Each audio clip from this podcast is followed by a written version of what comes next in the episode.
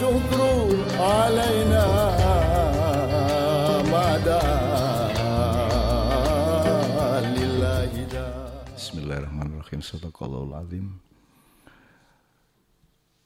Dunia umat Islam ini luar biasa perkembangannya, teman-teman sekalian. Sudah tidak stagnan dalam tradisinya. Dia sudah advance, dia sudah berkembang luar biasa. Upamanya begini, di dalam struktur identifikasi kualitas manusia di zaman dahulu itu yang paling dihormati orang yang pertama adalah kaum Brahmana. Itu kalau kita nyebut secara sehari itu orang bijak. Orang bijak. Tidak hanya pandai, tapi orang bijak. Orang yang memiliki wise people, wise old men. Gitu.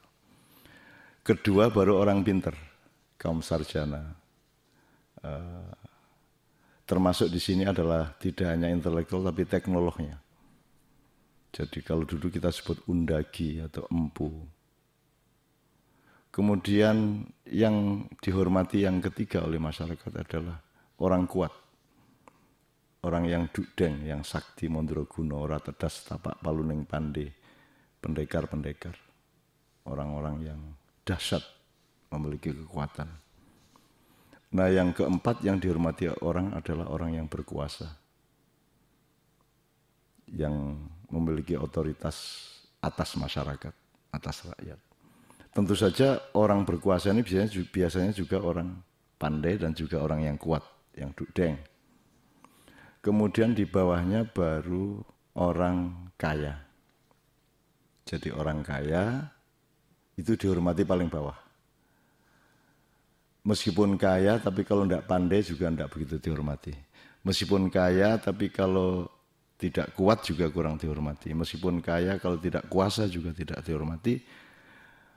Meskipun kaya tapi kalau tidak punya kebijakan, tidak punya uh, kearifan juga tidak dihormati. Maka di zaman kakek nenek moyang kita dulu, leluhur-leluhur kita ada urutan vertikal itu. Orang bijak, orang pinter, orang kuat, orang kuasa, dan orang kaya. Sekarang ini ada dua fenomena di masyarakat modern ini yang paling dihormati adalah yang nomor lima tadi. Orang kaya. Ini fenomena pertama. Orang kaya. Jadi semua orang ingin kaya. Semua orang ideologinya dan agamanya adalah materialisme. Jadi lima yang lain tadi, empat yang lain di luar yang kaya itu melakukan kepandaiannya juga untuk kaya. Mendaya gunakan kesarjanaannya juga untuk kaya Caranya adalah nyantol ke orang berkuasa, tujuannya untuk kaya. Orang kuat juga begitu. Bergabung dengan orang yang berkuasa, tujuannya untuk kaya. Yang tela-telo adalah orang yang dulu dijunjung nomor satu, yaitu orang bijak. Orang bijak ini tidak mau ikut berkuasa, karena dia bijak. Tidak mengandalkan kepandaian karena bijak. Juga tidak mengandalkan kekuatan karena dia orang bijak juga tidak membanggakan kekuasaan dan tidak mencari kekuasaan karena dia orang bijak. Ini fenomena pertama. Kalau Anda ingin menganalisis keadaan negara kita dan masyarakat kita dan bangsa kita, Anda coba bikin simulasi dari lima yang pertama dengan lima yang kedua yang terbalik tadi. Seluruh mekanisme yang terjadi selama ini adalah bagaimana orang pinter bergabung dengan kekuasaan, orang kuat bergabung untuk berkuasa, dan lain sebagainya. Tapi tujuannya adalah untuk kaya. Sementara kaya itu di zaman dahulu misalnya di zaman Mojopahit aja itu orang kaya itu diletakkan di yang terakhir. Maka ketika Islam datang dibawa oleh saudagar atau pedagang tidak bisa populer di sini. Di zaman lalu Islam itu bisa diterima karena yang membawa adalah orang yang pertama yaitu orang bijak, kaum Brahmana, para pandita atau resi atau kalau sekarang ulama. Nah, alhamdulillah ulama sekarang juga punya partisipasi besar terhadap kekayaan.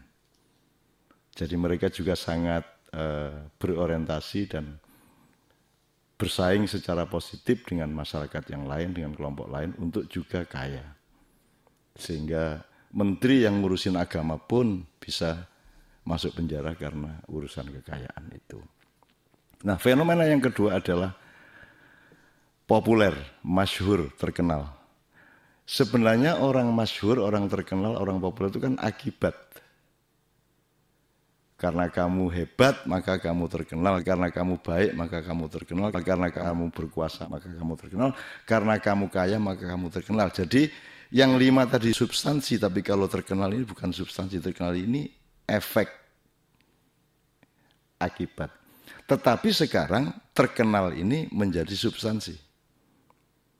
Gitu. Sehingga sekarang seseorang bisa menjadi pejabat tinggi hanya karena dia terkenal. Seseorang bisa menjadi anggota parlemen hanya karena dia terkenal. Jadi kita sudah menambah kekayaan peradaban yang luar biasa.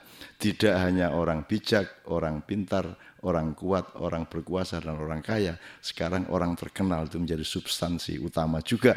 Jadi yang penting kalau nanti Anda milih siapa-siapa lagi dari lurah sampai presiden, yang penting dia terkenal. Dan terkenal itu pasti adalah karena media. Maka ulama-ulama media ini kemudian menentukan strukturnya sendiri. Jadi kita semua adalah penyembah media atau penyembah siapa saja yang berada di balik media itu. Nah, alhamdulillah saya dan semua teman-teman saya menghindar dari media kecuali yang masih perlu ditolong yang kecil-kecil di tempat-tempat yang sifatnya lokal dan daerah-daerah. Assalamualaikum warahmatullahi wabarakatuh.